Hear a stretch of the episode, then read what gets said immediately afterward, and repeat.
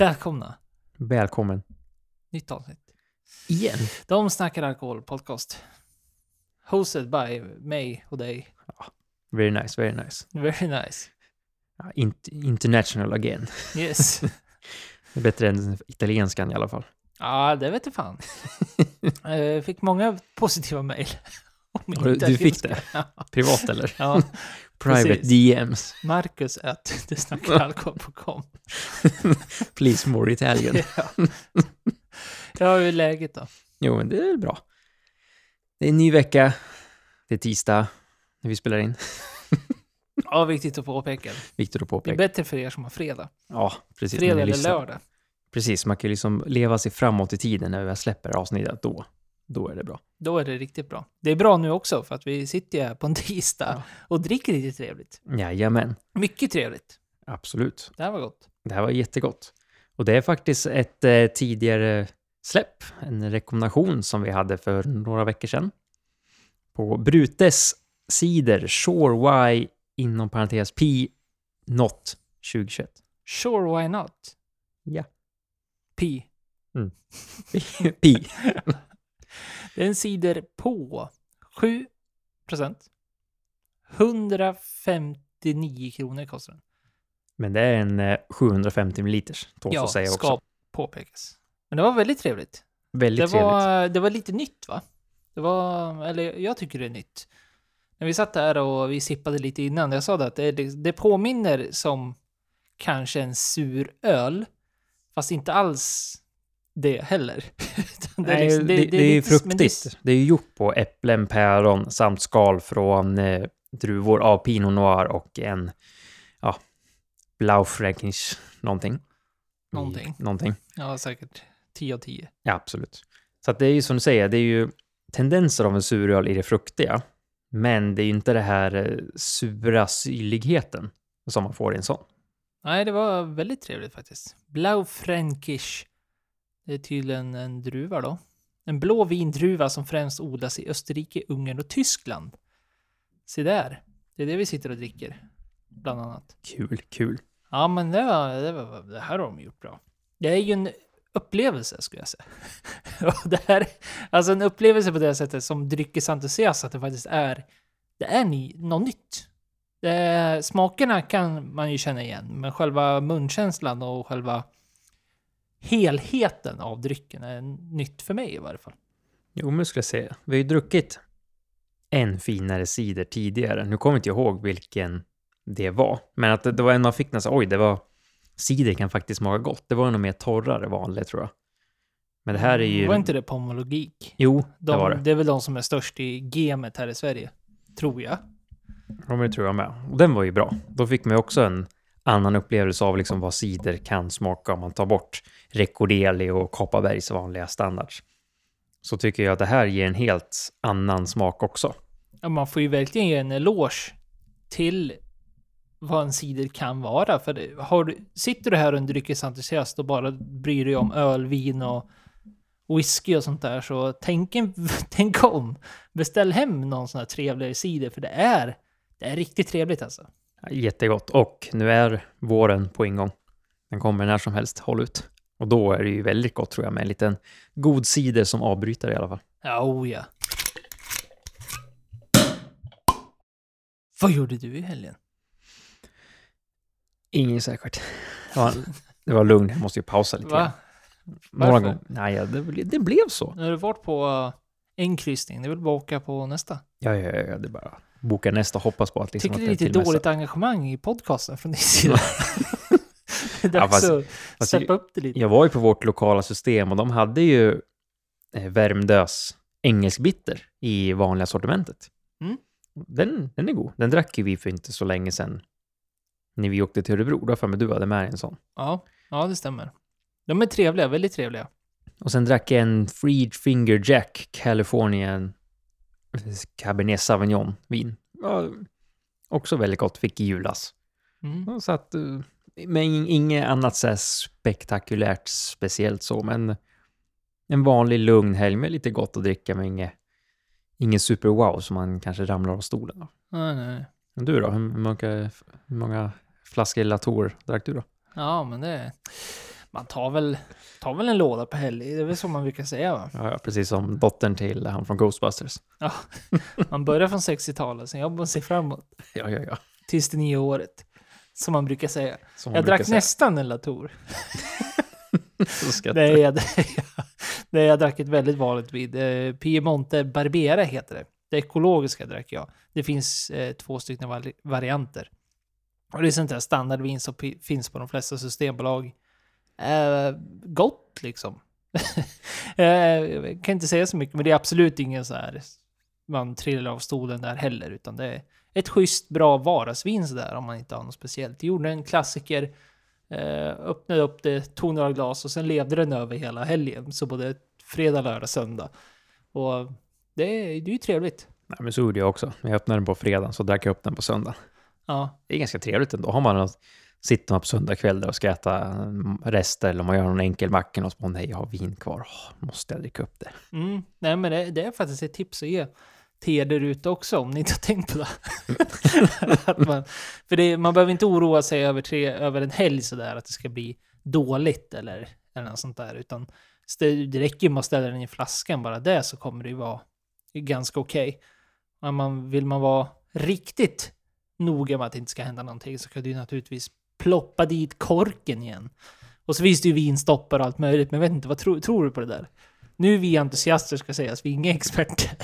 Men jag tror ju att eh, vinstoppar är lite overkill. Tror du inte det? Över en helg? Över en helg så spelar det nog inte jättestor roll. Det jag saknar nu när jag flyttade är att jag har inte lika hög eh, kylskåpshylla, så jag kan inte lägga in vinet i kylskåpet, för nu blir det ju, får det får stå framme över helgen. För jag tror ju det hjälpte ganska mycket, att det blir ju för kallt, men då ställer man fram det innan man dricker det. Så det är lite kylt. Ja, jag har i alla fall aldrig reflekterat över att det blir sämre på något sätt. Nej, När nej det liksom inte, har inte jag heller. Bara låter det stått framme till och med. Utan att ens göra någonting. Men det, så kanske det är. Men eh, nu pratar jag om va- vanliga vardagsviner också ska sägas. Man kanske inte vill ta risken ifall man då ska knäppa sig en Latour. Så kan det ju vara. Nej, och sen, sen tror jag också nu när vi spelar in så är det ju fortfarande kallt ute. Det är liksom det är inte, det är inga 25 grader inomhus heller, så att det, det håller sig ganska svalt. Det, det är nog bara en myt alltihop. Popelino. Ja, nu börjar det igen. La grazie ragazza. Papidi bipidi bopi. D- Benanot. Så är det. Popelino. Popelino. Popelino. Poppels. Poppels. Släpper den öl som heter Popelino. Jajamän, och det, om du är en ölentusiast så har du nog inte missat den här nyheten. För de, Poppels är ju ett av de större hantverksbryggerierna och då har vi ju gått in på förut, liksom när slutas det kallat ett hantverksbryggeri? Ja, det, det finns ju de som gör ganska stora mängder öl och ligger kvar i det där. Och det, det, vi kollar ju på det där och vi bottnar ju att det inte riktigt finns. Nej, typ eh, nej, Bru- precis. Brooklyn exempelvis räknas fortfarande som craft beer. Fast Brooklyn Lager görs ju i sjuka mängder. Ja, precis. Så vi, de är inte riktigt där än. Nej, absolut inte. Men att Men de de, ska... är ju up there i varje fall. Ja, ja, absolut. Men med Gotlands och Oppigårds. Oppigårds Ja. och ja. Fortfarande fantastisk öl. Ja, ja, ja, ja. Det, det ska de ha. Men de ska nu slå sig in på marknaden och slåss mot storjättarna. Genom att släppa en billig, vanlig lager. Som då man ska kunna mäta sig liksom på att välja den istället för att gå på eh, Spendrups, Falcon, Mariestad, Norrlandsguld. De helt enkelt kliver in i marknaden där det verkar vara mest kunder i dagsläget. Och det här är väl, det är väl inte konstigt heller, för det, det, trenden neråt såg vi för, för länge sedan och de låg på, låg på den sidan och försöker gå med vågen att folk spenderar inte lika mycket på öl längre. Att segmentet med de här öldrickarna som köper öl. Och då pratar vi sådana där typer som går in och plockar de vanliga svenska industrihantlagen. Hantlagen, sa jag så? Ja. Den vanliga lagen. Den vanliga industriella lag... Lagen! Helsike vad svårt det var att prata till. Mm. Det måste vara Det är för mycket italienskt. Ja. Jag hade gått bättre på italienska tror jag. Det är kul att de liksom går in i det här segmentet och kör på. Och de kliver ju faktiskt in med den billigaste svenska vanliga lagerhantverksölen. Och det de har mot sig, det är ju Värnepilser som görs. Kostar några kronor extra. Och så har vi då öl. Stigbergs öl, som var med på våran gräsklipparprovning specialen, gräsklipparöl. Så var öl med där. Och de här kliver alltså in på mer än, mindre än så till och med. Då kostar den ju typ 14-15 kronor. Jag för mig att den var dyrast de vi hade med. Det var den. Fan, den kanske var 17. Ja, Jag kommer inte ihåg. Nej, inte jag heller. 14 kronor ska den här kosta. Så 14 kronor och sen blir det en krona plamp. Alltså vad är det som händer? En krona pant. Pantenino. Han får börja italienska här. Nej, men så att det är ju absolut en contester mot de här billiga industrilagen. Som då vi har diskuterat mycket och man får tycka vad man vill, men det är ju en ärlighetens namn många som köper det här. Och det här är ju ett sätt att kanske få folk att välja något annat.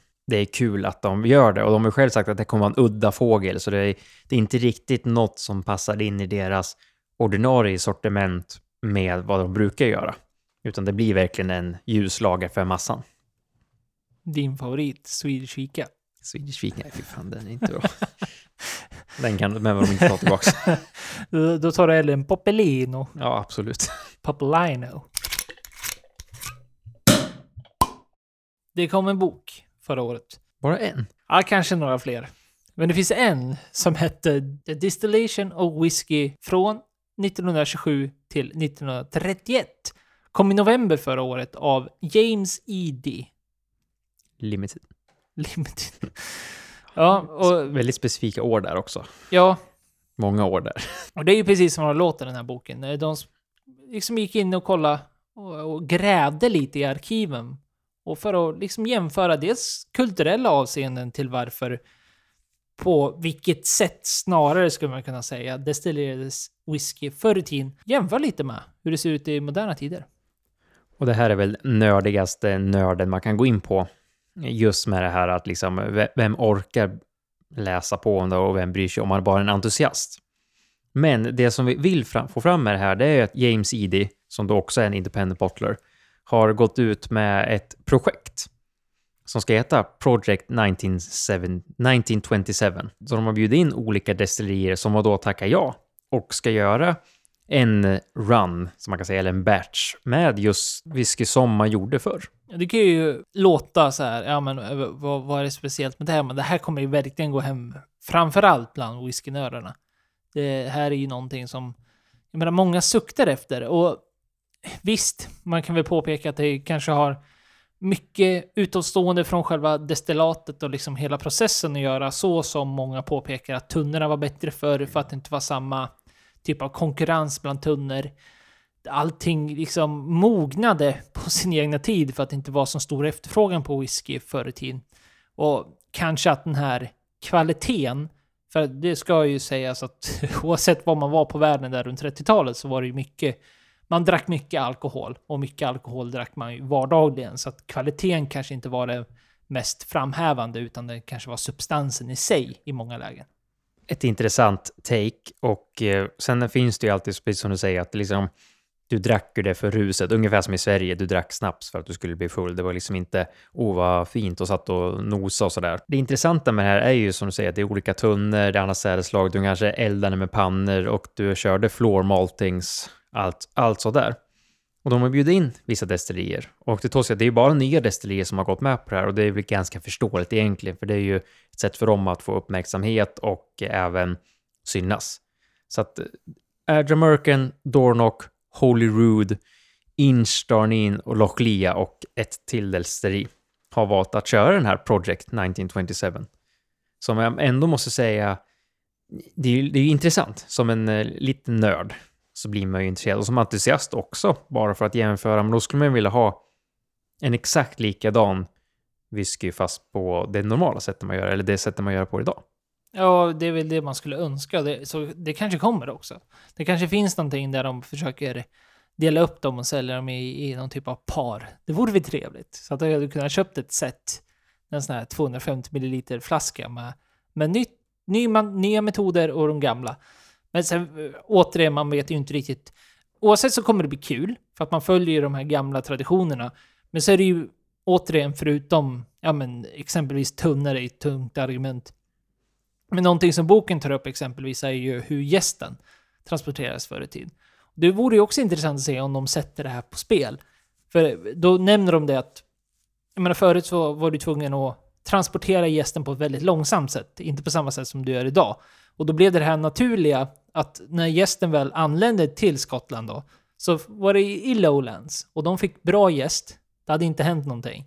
Och sen ju högre man kom till Highlands, Bayside, och då var det liksom så här lite mellan så att den var, ja men, kanske inte perfekt, men fortfarande inte jättedålig. Och sen fortsatte det sådär och traditionellt sett så de värsta, absolut värsta som fick det var Ayla. Och det är mycket där man kombinerar att gästen då har sitt ursprung och sin karaktär på de här olika typer av regionerna. Som blev ja, men en naturlig del av hur det fungerar för. Och det vore ju faktiskt kul tycker jag, ifall de skulle försöka prova det här i vissa av de här destillaterna. Att man tog alltså gäst som man fick och sen får den ligga och mörkna lite. För att liksom återspegla det här. För jag tror att det kan faktiskt ha en ganska stor betydelse. Absolut. Det här är ju ett projekt man får följa lite och det kommer ju ta ja, några år innan man ens får se någonting av det. Och det roliga är ju ändå att James Eady, som då ja, är independent bottlare, ska ju göra en blend av de här whiskyna. Och det är ju samma sak där, för att återskapa, det är väl där man kommer närmast egentligen.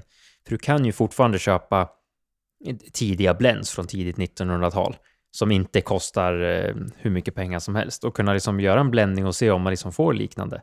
Men jag håller med som du säger, om man försöker gå till roten av allting och verkligen testa det här med eh, gästen och allting för att göra allt som det verkligen är. Det, visst, det, kostar ju mycket för destilleriet, men det är ju gratis marknadsföring och de kommer ju sälja flaskorna. Det här tror inte jag är något problem för dem att sälja. Har du tältat utanför ett eh, systembolag någon gång? Nej. Nej. Då ligger du lite lä. Varför har du inte gjort det för? Jag vet inte om det skulle se så bra ut här i, i vår stad. ja, i och för sig. Det, det, är så, det är svårt att göra det diskret. Slå upp i tältning och sen börja tälta lite tidigare också. Så här. Gärna han släpps på måndag, börja tälta på fredag kväll. Ja, ja. Gör det bara. och jag vet inte hur vanligt det är faktiskt att folk tältar utanför systembolag här i Sverige, men vin, vinmonopolet i Norge de är ju lite... Ja, det är ju normen. så är det ju. Men där går de fan med all in. Och det var ju nu en artikel som cirkulerar runt den här senaste veckan just på en... Alltså, ung herre får man ju ändå säga. Men man blev ju lite förvånad när man såg bilderna. För först när man tänker så här, tält, i och för sig, vem är, det är klart det måste vara det nu när jag tänker efter. När jag reflekterar. Jag har svårt att säga att det är någon 60-åring som drar upp ett tält då. Speciellt inte första januari. Nej, det, det är ju väldigt kallt. Ja, det, det, är bra engagemang, det ska han ju ha. Men det han gjorde helt enkelt var att han slog upp ett tält och sen tältade han utanför vinmonopolet i Norge för att vänta på vinflaskor. Och det var ju inte vilka vinflaskor som helst heller, ska jag säga. Det var ingen eh, Vinja Maipo släpper sin första batch. Utan det var ju, vad säger man, DRC, det Roman Aliconte, släpper liksom de första fina flaskorna där i butik. Och som, som man vet här i Sverige, de är ungefär lika dyra, lika svåra att få tag på. Och då måste du vara snabb på pucken och släpps de i butik, det är ju så i Sverige också. En del flaskor släpps ju i butiken och är du först in så har du ju chans att ta dem, så att det, det är egentligen inget konstigt så. Men han gick direkt efter nyårsfesten och eh, började tälta utanför den här butiken. Och det är väldigt ambitiöst för att det här släpptes den första februari. För jag vet inte riktigt om vi har det här i Sverige, att vi har några fasta datum, förutom så här julöl, påsköl. Men när stora vin släpps gör... Ja, det är ju våra webblanseringar, det vi kör varje. Ja, men det är, du, inga... det är ingenting jag känner igen, att det ska vara någon specifik vin som släpps varje, samma dag varje år eller sånt där. Nej, ja, det, det är väl om... Nej, precis. Det kanske det är i och för sig, bara att vi har dålig koll på det. Ja, det kan mycket väl vara. Vi reserverar oss för eventuella fel. Men det kan ju vara annorlunda i Norge, som säger att första februari varje år, då släpps de här ja, Burgundys och kanske champagne. Jag vet inte, men att de, de vet att det, de får in batchen och de kanske har lagt beställning året innan och man vet att det kommer det här. För det är så, alla, precis som vi har förbestämt med julöl och påsköl och höstöl och allting. Ja, så mm, det, det låter ju troligt för att det verkar ju då som att det här är en upprepande sak. Alltså att de släpper, första februari så släpper de toppflaskor. Och de går ju åt som bara den, det förstår man ju. Vem som helst. Men de verkar ju inte släppas då på någon typ av webblansering. Det kanske de gör också, men den chansen vet man ju hur liten den är. Så det är därför då han valde att tälta. Han fick två flaskor. Det tåls ju att säga att han faktiskt fick det, för det hade varit väldigt jobbigt om han inte hade fått dem och tälta i 31 dagar och bara, nej, de är slut. Ja, det är inga billiga flaskor vi pratar om heller, utan det, det är dyra flaskor, så jag vet inte, jag- de kanske också har en sån här att du får ta max som våra släpp fast i butik istället då. Mycket möjligt. Så, men Fy- 4 500 pund. ja, det är inte billigt. Nej. Alltså visst, och det finns ju många vin, eh, vinälskare där ute och det finns ju folk med stora fickor i Norge, så är det ju. Men ja, eller ja, tydligen då. Så, så går de ju åt så pass fort också så att jag menar, då, då Det är det väl så bra. få. Alltså det, Roman Conte är liksom eh, Premier, eller Grand Cru och alltså det finaste, så jag tror att det kommer ju bara ett visst antal flaskor per år av den batchen. Jag tror det står på varje flaska, men om det kanske är mellan 200 och 400 flaskor och sen får ja, Norge kanske får fyra flaskor av alla som släpps och då är det ju, ja, då är det först på bollen. Ja, det är verkligen. Nej, men då får man väl tälta en månad. En månad känns ju lite överdrivet dock. Ja, det, han gjorde ju säkert som en gimmick, han tycker väl att det är kul. Man, man tänker att tältan där, han, han, må, han måste ju gå iväg och jobba någonstans. Det, det framkommer ju inte i det här om man har jobb samtidigt eller om man har tagit ledigt hela månaden för att ligga där utanför Vinmonopolet. Nej, det gör det ju faktiskt inte. Alltså, ska vi dra någon association till Systembolaget? Så är det ju ändå så att även om vi inte har kanske släpp, ja men det släpps ju även i butiker och ibland går det ju väldigt, väldigt fort. Så jag har aldrig hört talas om någon som väl står och tältar, men folk kan ju stå och köa i varje fall, eller de kan stå och banka på dörren när det är dags att öppna för att få, få vissa flaskor. Och man har ju även hört talas om folk som kan åka ganska långa sträckor för att komma till Systembolag. För är det helt okänt för dig, så vissa släpp som släpps i butiker och så kan vissa släpp vara aktuella online och ibland kan de vara både och. Så vi har våra webbsläpp som är bara aktuella online exempelvis. Så kan du ha släpp som släpps i tillfälliga sortimentet som kan finnas tillgängligt i olika systembolag runt om i landet. Samtidigt som du har en online-kvot du kan beställa de här för. Men det som brukar hända är att online-kvoten går ju åt ganska fort. Men då kan det fortfarande finnas resterande flaskor runt om i landet. Och då kan du... Det kan vara så att det ligger en flaska som du verkligen, verkligen vill ha som ligger på systembolag som är, ja men, inte jättenära. Och man har ju talas, i alla fall några historier sådär om folk som åker bra många timmar för att få tag på sina flaskor. Jo, men så är det ju. För att det är ju som du säger, att det beror på lite vad Systembolaget beställer in. Under pandemin valde ju Systembolaget att sluta skicka flaskor mellan butikerna, vilket gör att du kan inte längre hitta din favoritflaska på en butik och du kan inte skicka den till den butiken du är i nu. Vilket jag kan tycka, det, det, de låter som att de tog liksom en enkelhet i det här nu, att vi, vi struntar bara att börja med det igen. Eh, men eh, det är ju så att de stora Systembolagen, Göteborg, NK i Stockholm, Malmö och sen finns det väl Norrköping eller Linköping brukar få in mycket fint. Alltså man kan hitta de här butikerna som nästan alltid får in de lite finare sakerna jämfört med de mindre. Och då blir det ju dit man måste åka och ja, finns den bara kvar i Malmö eller Göteborg och du bor i Umeå, ja, då har du en bit att åka. Ja, då har du problem. Man har ju också sett på många som hjälper varandra, så vet inte jag. Ja, men det får man väl göra. Eller det får man det, jag vet inte. Nu jag tänker efter. Men folk som köper och sen eh, hjälper och, och når en om man ska mötas någonstans i någon mellanstad eller om man möts på en mässa eller något sånt där. Men det är ju säkert, precis som du säger, okänt för många som bor i större städer. Bor i Stockholm, Göteborg.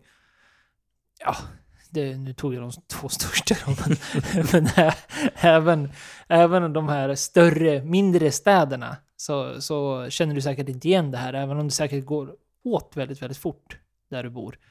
Men det här är ju vanligt, vanlig företeelse för de som bor i mindre städer. Som du var inne på det här med att är det okej? Alltså jag tycker inte det är något fel att hjälpas åt Nej, jag tänkte mer lagligt alltså. alltså ja, precis. alltså, men det, jag, det blir att köpa ut. Ja, men är man 20 år som det är lager på och säger som när vi bodde i andra städer, om jag bad dig, kan du gå och köpa den här flaskan åt mig så, så hämtar jag den nästa gång vi ses. Ja, ja då, då är vi körda ifall det... Ja, det var aldrig Ifall Det har inte hänt. Nej, men det är klart det inte borde vara det. Det är sant det du säger. Det är, det är ju, Det är ju mer det här liksom om du köper, som vi har pratat om tidigare, flippers. Om du köper en och sen säger ja, men jag kan köpa den åt dig, men du får betala 200 spänn extra för att jag ska göra det och sen får du betala frakt också. Då är det helt plötsligt börjat tjäna pengar på det och då har du sålt den och då, då helt plötsligt pratar du annat. Men att man köper den och du tar inget extra betalt för den, utan du köper den och någon swishar samma summa som det och sen hämtar man den när man har tid eller som ses på mässa. Nej, det, det tycker jag inte är något fel på överhuvudtaget. Nej, det borde inte vara fel på det i alla fall. Så det, länge man det, är i eh, åldersgräns för att köpa, såklart. Ja, och, och det tycker jag också. Det blir mer en schysst typ av eh, konkurrens. I och för sig, det är ju folk som kan tycka att det är oschysst. Men å andra sidan, så man kan ju inte kontrollera ifall det släpps en flaska på ett systembolag där man råkar bo väldigt långt borta. Menar, vad, vad ska man göra åt saken? Framförallt när det inte finns alternativet att köpa den online heller. Men det finns ju de här... Men det finns ju en grov debatt exempelvis med de som hjälper varandra fast det är webblanseringar. För ofta det som brukar hända är att när det är en flaska som kommer vara väldigt populär, oavsett vad vi pratar för typ av dryck, så är det ju oftast max en. Och då är det ju max en per inköp.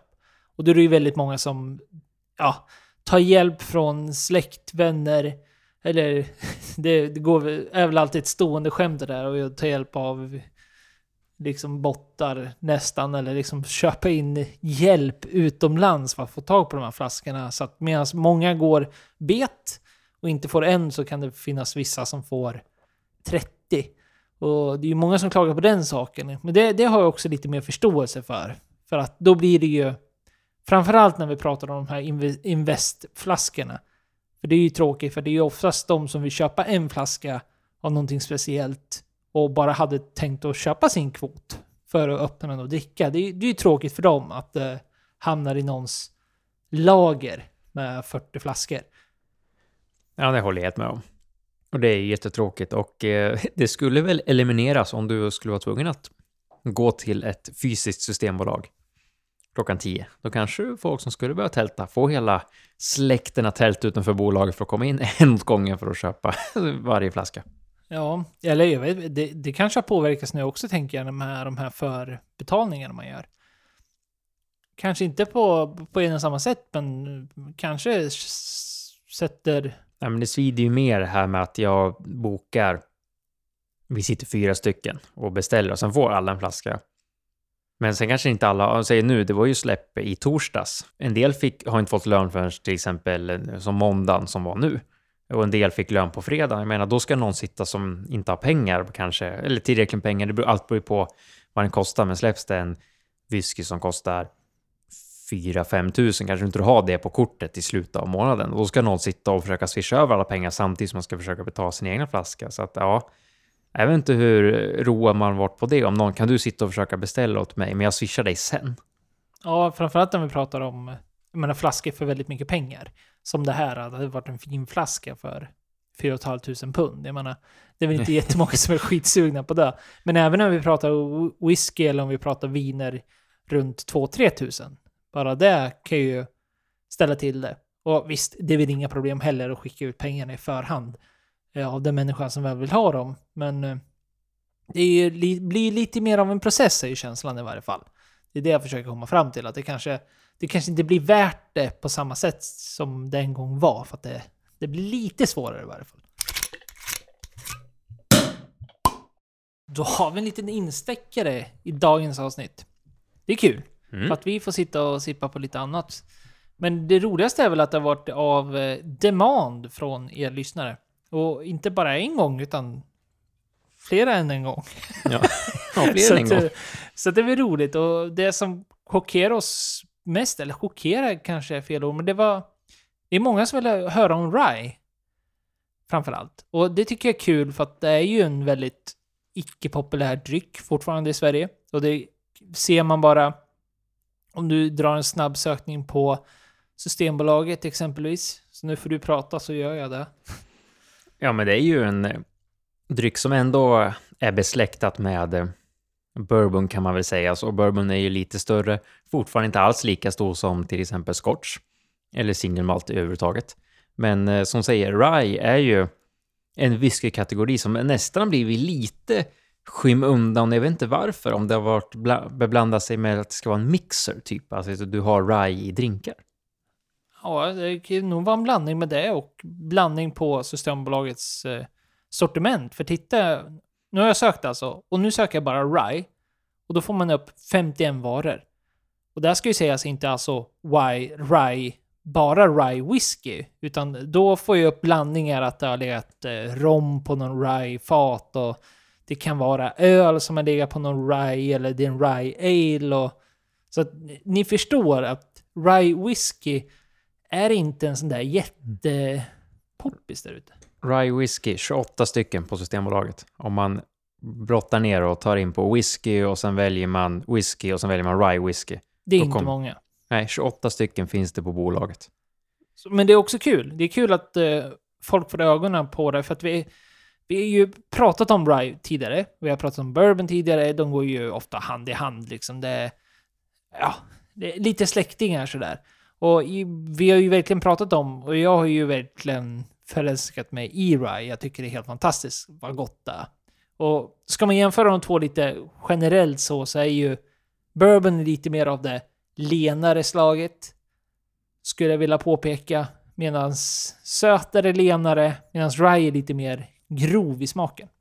Ja, men det kan jag helt hålla med om. Det är ju lite mer, lite mer kryddigt, kan man nästan säga. Om man jämför med bourbon som då är väldigt lent. Varje gång man hör folk prata om bourbon så säger de, jag menar, eh, vanilj och typ karamell och mörk choklad, apelsin, alltså så här söta, fina, medan du får lite mer typ pepprighet i rye, tycker i alla fall jag. Mm, jag håller helt med. Men ska vi, ska vi börja från rätt ände här då? För det var ju ändå länge sedan vi pratade om både rye och vi pratade om bourbon. Mm, Det var ju väldigt många avsnitt sedan. Ja, det känns som. Så ska vi dra en liten snabb recap på vad, vad vi har om dryckerna. Jag tror alla vet att det är, vi pratar om amerikansk, amerikanska spritsorter. De måste göras i USA. Nej, inte rye. Bourbon. I USA. Har de inte två stycken olika... Fan, vi tappar bort oss direkt. Vad duktiga vi är. Rye är ju störst i Kanada.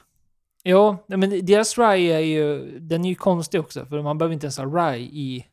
Nej, I- i USA, är deras ju, rye. USA är ju USA. De håller på med sina fjanteriregler. Ungefär som att en Jack Daniels är inte en bourbon, utan en Tennessee whiskey, men det är tekniskt sett en bourbon. Okej, vi har någonting som heter American Rye Whiskey. Ja, jag med. Då får det vara den vi pratar om då. Ja. American Rye Whiskey. Rye! Och Bourbon Whiskey. Ja, då måste ju... Eller okej. För att ska vi försäkra oss helt nu. I alla fall Bourbon måste göras i USA. Det Mm. måste göras i någon av 50 delstaterna och teoretiskt sett så kan man göra det i Pu- Puerto Rico. Eftersom det då är en... Vad heter det? Det är inte... Ja, det, Ja. det tillhör ju liksom... Även om det är självständigt tror jag. Ja, nu, nu är vi på jävligt Ja, djupt vatten här. Här, här backar vi Men ni ifrån. fattar grejen, men det, det har aldrig gjorts i varje fall. Men i teorin så borde det funka i varje fall. Man behöver går inte in på det här destilleriet, alltså du måste göras på det sättet eller det sättet, det är ju mer att eh, du måste ha fem, minst 51% eh, corn i eh, själva mashbilden. Du får ha mer, du kan ha 100% och du kan ha 80%, men du får inte ha mindre än 51% för att det ska kallas bourbon. Nej, och absolut, absolut oftast så är det ju... Eh, oftast är det ju mer än 51%, men sen måste det även vara i mash, så det måste dras ihop, blandas ihop med, med annat. Och då är det ju oftast korn. Eh, det kan vara vete. Det är så här, de, de vanliga liksom, för man måste göra det på mash i varje fall. 100% då blir det korn. Jag vet inte om korn whisky heller, men det, det finns ett separat kategori Ja, jag tror fall. när det är som är corn 100% då blir, kallas det corn whisky. Alltså Är det, det blir, det ja precis. Ja. Är det 100% corn så kallas det corn whisky. Men annars är det ju som du säger, det blandas med till exempel barley och rye eller wheat, alltså vanliga. En mash bill som de säger, men i olika procent. Men det måste vara minst 51% corn för att få kallas en bourbon. Och sen ska ju det även alltid lagras på eh, ny ek. Som eh, ofta new chard, alltså eldat ur, kolat ur. Ja, det brukar väl vara, kallar man det för vit, vit, vit Ja, amerikansk ek va? Quercus alba eller vad den heter. Den, Ja. van, den vanligaste eh, eken, eftersom det är den som vi använt i vår kära scotch som vi gärna dricker, så är det ju ofta ex-bourbon. Och det är väl också en grej man kan gå in på när det står first fill, så är det ju ofta egentligen en second fill om det är ett bourbonfat. First fill bourbon är ju inte en first fill, för att den redan lägger bourbon på det. Mm. Nej, men det, det är en viktig, viktig del och någonting som de börjat insett själva nu inom industrin, att de kanske har skjutit sig själva lite i foten med det där. Men sen får vi se, det, det är ju någonting som kanske kommer ändras med tiden och kan ju ändras. För vem som helst förstår ju att det är kanske är orealistiskt ju mer och mer man ser att det finns en större efterfrågan efter bourbon. För annars har det varit väldigt, väldigt isolerat i USA, men det har ju verkligen blossat upp i Europa de senaste 20 åren kanske. Och där, där, får de väl helt enkelt tänka efter hur de vill gå vidare med det där. För att, jag menar, vit amerikansk ek, även om det är, jag tror det är ungefär 70 år för att växa upp en ek för att sen kunna göra tunnor på det. Så att det, det är ju inte en massproducering på det sättet att man liksom kan göra det upprepat hur mycket som helst i varje fall. Och sen måste det destilleras max 80 80% får du destillera det på. Och du får inte lägga det på tunnor mer än 62,5%. Och så måste det vara minst 40%. Ja, och eh, bourbon har ju tekniskt sett så har bourbon ingen lag på hur länge den ska ligga på fat. Så det finns ju folk som har gjort den här teorin och skickat in den bara egentligen för att förstå hur töntigt det är. Du kan verkligen hälla i din mashbill, alltså new, newmaken, i en tunna och ett hål i botten så den rinner ut direkt. Då får det egentligen kallas för bourbon för den har legat på ett fat. Vilket då är egentligen helt stört att de borde ändra på den här regeln för att det är ju enkla sätt att tjäna enkla pengar eller fast agent. Bara slänga in den och låta den ligga tre dagar med ekstavar i hela tunnan så kommer du få massa färg. Så att eh, det är också viktigt om man köper bourbon och veta om det. Står det bara bourbon så kan man inte garantera hur gammal den är. Står det däremot straight på flaskan, då är den minst två år. Ofta är den under och står det är den under fyra år, då måste det stå. Men eh, så att man ändå vet lite skillnader. Mm. Ja, men eh, det, det, här är väl någonting man tycker om, om bourbon, att de är ju väldigt transparenta i sin, i sin paketering på det sättet. Just det där med att det, det måste stå på flaskan ifall det är under fyra år. Och det är ju bara trevligt för konsumenten. Och så ska det tilläggas att man får inte använda några typer av additives som man då kallar det för. Och det kan vara någonting som vi ser ganska normalt sett i, inom scotch eller whisky. Att man lägger till färgämnen eller liknande. Men det får man absolut inte göra. Men sen är det ju väldigt speciellt just det att det inte får läggas på vapen annat än 62,5%. Men de har ju någon teori där. Samma, samma sak med att det inte får destilleras mer än 80% är att man vill ha kvar det genuina från själva destillatet. Och inte över, eh, överarbeta produkten, går det att säga så? Men eh, de har sina idéer bland det här i varje fall. Och det är inte värt att gå in i djupet på det, på det sättet, men är det någonting vi har missat eller? Det känns som att vi fick med. Det är säkert någonting vi har missat. Ja, men det finns ju alltså, kollar man på bottling bond så har det en viss betydelse också. Och sen är det ju att en del bourbon, det är också, bourbon är väldigt delstatsreglerat också. På så jag säger, vi tog upp lite snabbt Jack Daniels som det står Tennessee Whiskey på. Och tekniskt sett är det en bourbon, men det är inte en bourbon, eller vad man kan säga. För att de, jag tror att de lägger till typ att du måste hälla det ute på något så här charcoal eller någonting för att det ska bli kallas whisky och det har inte bourbon som lag. Så att det, det är en hel grej att hur man kan säga om Jack Daniels och eh, ja, för de som inte vet så är väl Jack Daniels det största Tennessee whisky företaget och alla har sett den loggan. Om man inte sett den loggan, då har man letat under en sten. Ja, och det är ju oftast någonting folk kallar för bourbon, så det är, det är, det är ju värt att nämna. För att de oftast blandas ihop. Men vi ska inte röra ihop det alldeles för mycket, för sen har vi då Ryan. Och Ryan kan man säga är väl väldigt lik bourbon på det sättet att bourbon, minimum 51% majs. Och sen kan du ha resten av mashen, så kan du blanda det återigen med korn eller vete eller vad du nu kan tänkas ha.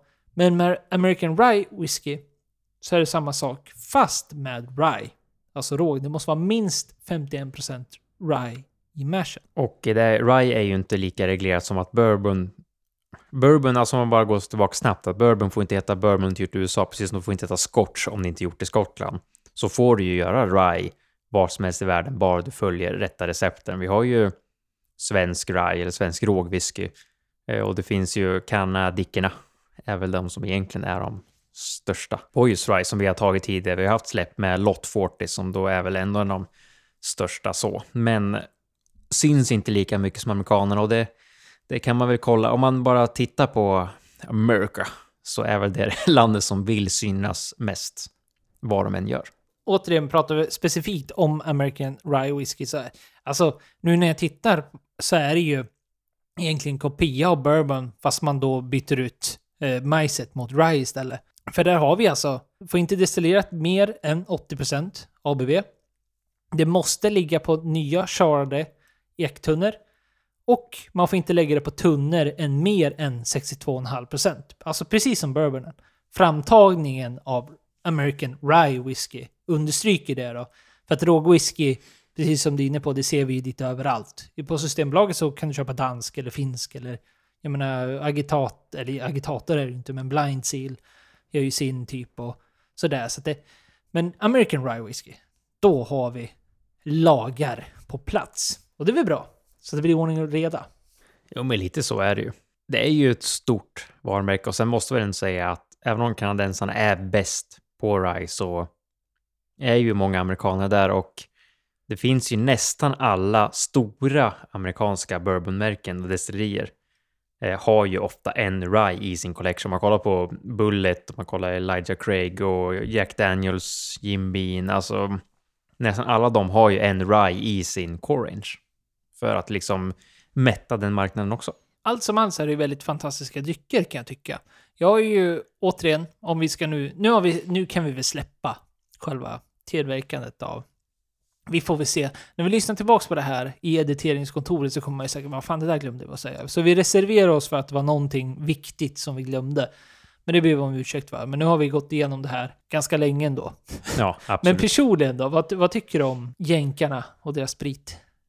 Jag blir lite mer eh, fascinerad av bourbon på sen tid, men det är ju det här som vi har pratat om, alltså det finns för lite bourbon i Sverige för att liksom hitta någon superbra. För kollar man på USA, de har ju så mycket bourbon. Och sen en sak som ändå är viktig att nämna, just för alltså i Sverige har vi inte det problemet, men i USA så kan du sälja din egna bourbon fast du inte har gjort den själv. Eh, som då man kallas, då har ju typ eh, sourcat den. Och då finns ju stora destillerier, typ eh, som M MGP, eh, som är ett stort destilleri i Indiana som du, man kan köpa tunnor ifrån, så kan du släppa den som din egen whisky och så står det bara lite smått på baksidan. Och så det kan du göra innan du har släppt din egna whisky, vilket då gör att du kan hitta en whisky du tycker ja, men det här verkar intressant. Och så är inte ens deras egen sprit som har gjort den, de har köpt den och det är lite halvlulligt vad som är. Och det är en sak som eh, jag inte tycker vi har samma problem med här. Visst, det finns de som sourcar sin whisky här i Sverige också och inte säger att det är sourcat. Men, eller i USA, eller i, vad heter det, Skottland. Men det är ju en sak som eh, jag blir lite orolig när man börjar se alla nya, som de säger, craft distillers som poppar upp, men så har de inte sin egna whisky.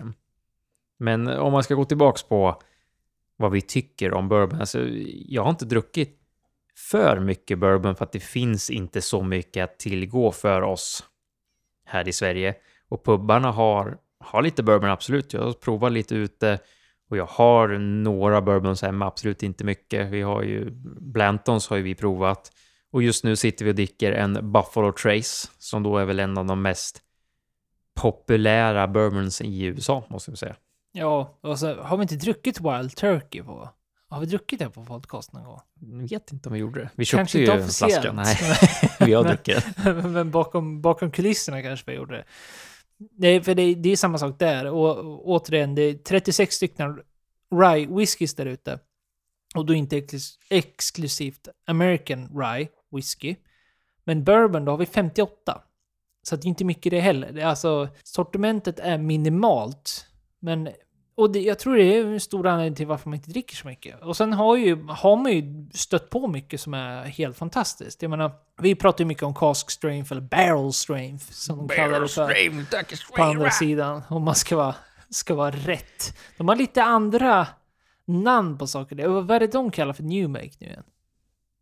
Det är ju någonting. Dogleg. Ja, White? Dog. White Dog. Som är Mac, eller Macmyras vita hund. Ja, just det. Det är ju White Dog säger de ju. Ja. Så man kan köpa på en del ställen för att göra sin egen. White Dog. Sen är det väl en sak som är viktigt att ta upp med USA också, som vi har nämnt tidigare, men kanske värt att nämna igen, att ett destilleri gör inte en whisky. Ungefär som vi pratade om det här man kan sourca. Tar vi Buffalo Trace så har väl de, vad är det? Fem olika märken under Buffalo Trace, som ändå är från samma destilleri. För Buffalo Trace gör ju Blantons, Eagle Rare och Pappy eller något sånt där. Som ändå alla tillverkas på samma destilleri, men det är olika märken. Mm. En viktig sak att ta upp ändå, alltså när vi väl Ja, pratar bourbon och krånglar till det ännu mer. Ja, jag sitter och tänker nu, för att jag kommer ihåg att vi har haft ett poddavsnitt där vi har diskuterat det här väldigt länge. För du får ju gå tillbaka till arkivet och lyssna på det ifall du är intresserad av just bourbon och jag tror vi nämnde Ride också, men då gick vi också tillbaka till gamla historien så här att det jag tycker sånt är intressant, som är lite så här smånördig när det väl kommer till såna här kulturella skiftningar. Exempelvis då varför ja, men bourbon som är gammal fransk ord i New Orleans och det var de som styrde där och därför blev det bourbon i namnet, men även hur det är väl Tennessee River eller vad? Eller Mississippi River. Ja, Mississippi tror jag. Så att man, man får den här eh, naturliga kedjan av att man kapar eken norr, den åker ner och sen har man hela den här biten. Och så får man ju absolut inte underskatta just eh, Kentucky. Man brukar väl säga, vad är det man brukar säga? Att det finns lika många tunnor whisky i Kentucky som Ja. invånare. Fler än invånare, är det inte så man säger? Jo, men det är något sånt där. För det är ju också det att eh, om man pratar klimatet i USA, speciellt i Kentucky och Texas och så, så är det ju lite som jag diskuterar med här med Kavaland och varma ställen, att det lagras ju fortare. Så det är svårare att få en eh, old age statement whisky eller bourbon rye därifrån. Men är den 10 år, då är det plötsligt då är det mycket angel share, att det är mycket som försvunnit. Är den 15, 17, 18, 20, det är nästan eh, omöjligt att få tag på en 20-årig bourbon och är den 20 år är den oftast överekad på grund av det. Ja, det är väldigt viktigt att påpeka, framförallt om du börjar doppa tårna i just bourbon eller American Rye Whiskey och du kommer från våran bakgrund, precis som vi gjorde, att man kommer ifrån vanlig scotch eller vanlig skotsk malt whisky eller svensk för den delen, så ser du väldigt annorlunda ut. Snabbt, vi återgår till frågan som vi snabbt försvann ifrån. Vad är det bästa bourbon och bästa ryen du har druckit då? Ja, eh, den bästa bourbonen, den drack jag ju faktiskt bara här om veckan. Det var ju när vi var på Västerås Öl och Destillat. Det, det vågar jag ändå säga. Och det, eh, jag hatar mig själv för jag går emot mina egna regler. Jag som är hård med att säga att man inte får säga några sådana saker efter att ha provat ett sample, framförallt på en, på en festival eller dylikt, när man provar väldigt mycket annat. Men det var något helt speciellt. Och det var ju SMVS som då hade en bourbon.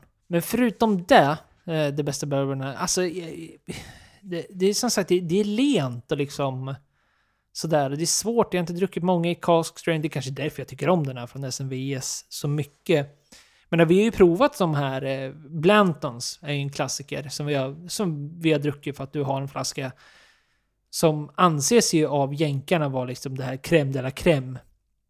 När det väl kommer till bourbon på många sätt. Men när man provar den, det är liksom... Eh, men jag tror det har mycket med att göra att jag inte riktigt fastnar för det här lena. Det gör jag inte i whisky heller. Nej, precis. Du är ju mer som, jag, som de som lyssnar märkt. Det är ju skitig whisky, Kilcaran, Springbank och ja, Port Charlotte. Sådana skitiga whiskys. Och eh, då är ju bourbon helt fel. Och Blantons är ju en len. Alltså jag tycker den är trevlig, men det är ju vanilj, äpple, karamell, alltså det är som en godis. Och det tåls ju också säga att i USA kan de ju marka upp priserna så att Blantons i Sverige vanliga original, inte gold eller straight from the barrel, utan den helt vanliga Blantons ligger på säkert 800 spänn nu, det har ju ökat mycket, men i USA kan de ju ta 2000 för den, absolut inte värt Ja. 2000. Nej, det är den inte. De, de, de tar sådana sjuka priser och så är den så... För att det är en så sjuk efterfrågan. Så det, det är ju till och med så här man kan, när man följer de här sociala medierna framförallt som då specificerar sig mot amerikansk whisky eller bourbon. Det, det, liksom, det verkar ju ta slut. Alltså folk lägger upp bilder när de hittar dem på affärerna. Så, så stor efterfrågan är det där borta. Och det är ju samma sak med Buffalo Trace som vi drack först här. Eh, som eh, också är svår att komma förbi för den, eh, en del delstater finns den inte överhuvudtaget och här finns den på typ varje systembolag och den kostar typ ingenting. Nej, det är lite skillnad där. Mm. Men eh, Rye. Mm. American Rye Whiskey. Nu måste man börja säga det formella namnet nu när vi har Ja. insett att Rye liksom sprider sig åt alla möjliga konster av håll. Men det tror jag vi håller med om att det mesta man har druckit är ju Michters. Ja. Michters. Ja. Mm, Barrel strain. Barrel Wales. Rye Whiskey. Och Den Den har- vi druckit på vi- podcasten. Ja, det har vi gjort. Någon gång. Fy fan vad god den. Ja, den är helt fantastisk. Köpte mig inte två, tre, fem för. Men jag går så långt som att jag kan, alltså, eh, eh, alla barrel strength, eller i alla fall starkare, det behöver inte vara barrel strength återigen, det är ju våran cask strength alltså, är riktigt bra. I Sverige så är det jättelätt tillgängligt att få Rittenhouse. Kostar 500 spänn. Det är en rye på 50% tror jag. Och det, alltså, jag tycker det, jag tycker det är så gott så att... Eh, en riktig höjdare ifall du vill prova har suttit och lyssna på det här nu och är sugen på att köra. Då kan jag absolut. Och den är också bottled in bond tror jag. Vilket är lite speciellt sådär, men det, är så här, det går tillbaks till gamla lager hittan dittan och allt vad det är. Men den finns att beställa till och med på Systembolaget. Så, så den kan jag dra till. Men Mictors vinner ju den, det racet. Ja, men det håller jag helt med om. Och nu har vi ju bytt whisky. Vi till och med... Det händer mycket i avsnittet. Vi har druckit cider. Vi drack en Buffalo Trace Bourbon. Och nu dricker vi en Pikesville Straight Rye Whisky på... En sak som vi inte har tagit upp med bourbon och sånt, det är att de pratar proof. Ja, det gör de. Ja, också Men det är 50. ungefär som att prata ounces och Ja, precis. pounds och... Så den här är ju ingenting. på 110 proof. Vilket då motsvarar 55% alkohol. Så att det är Mm. bara att dela allt proofen på två. Så har du vad procenten är. Den här är också väldigt god. Den här är jättegod. Och det är ju en whisky som är eh, minst sex år gammal.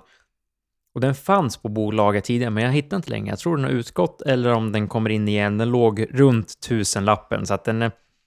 Ja, det är ju det är ju mycket pengar, alltså det, absolut, det är, det är det. Men det, det är en fantastisk god ride här. Och det är ju samma sak här, 55 procent. Du får lite mer än om man köper till exempel, för du har haft en Bullet Rye. Och den, den var bra, men det var ju inget wow på den. Nej, också en av de här klassikerna. Och så har vi provat det. Jag provade på en provning någon gång, så provade jag Michters just för att man har provat Barrel Strengthen. Men sen var det en med lägre procent och det är jätte, jätteskillnad ska sägas. Ja, att, eh, deras single barrel eh, straight rye. Så den är på 42 eller 43 procent. Ja, och det, man måste verkligen understryka vilken skillnad det är ifall du ska kika runt där ute. Men vilken skulle du säga är din favorit då? Bourbon. Ryan är vi väl överens om, eller hur? Ja, ja, det är inget... Men om du ska om säga en bourbon då, till lyssnarna, avslutningsvis. Vad skulle du kunna tipsa om? Jag som inte gav någonting. Nej, du, du gav ingenting. Var för jag bara där. ratade. Då är det ju tyvärr en Kentucky Owl Bourbon som då jag provade på whiskymässan förra året. Fantastiskt god bourbon. Helt, verkligen så här, ah, fantastiskt. Svindyr. så att det blev inget köp och jag har ingen sån hemma. Men jag har druckit den en gång på mässan och eh, det är en dyr, eh, dyr bourbon och den är lite starkare. Nu kommer jag inte ihåg vilken batch det är för de kör också batch batcher på dem. Men eh, för mig att den kostar 3000 då på båten. Det finns en batch 12 på bolaget, kostar 3 500 på 57,9 procent och det är ju typ den. Och ja, men som säger, det var en higher proof, bättre bourbon. Fantastiskt, jättegott och det slår ju, slår ju Buffalo Trace och Blantons alla dagar i veckan. Men prismässigt, nja, Äsch. det är bara att köpa. Låda. Och då kommer vi till avsnittets höjdpunkt, slutpunkt tänkte jag säga. Det är i och för sig lite granna sådär. Men det är ju en höjdpunkt för alla inblandade. Nu vet de att nu är det snart slut på eländet. ja. Undrar hur många det är som stänger av nu. Jag tror det är ganska många ändå. Som inte bryr sig om vårat släpp. Kan Mm. vara så. Ja, men det tror jag absolut. Och sen är det väl en del som tycker att det är lite höjdpunkt. Vad är det vi rekommenderar? Vi har ändå hört några som faktiskt har köpt och eh, letat efter det vi har rekommenderat. Så det är kul att det är faktiskt någon som lyssnar på oss. Ja, nej, men man fattar ju själv, det är svårt att hålla koll på allting varenda vecka som släpps. Så det kanske, man kanske uppskattar att vi, vi nämner någonting.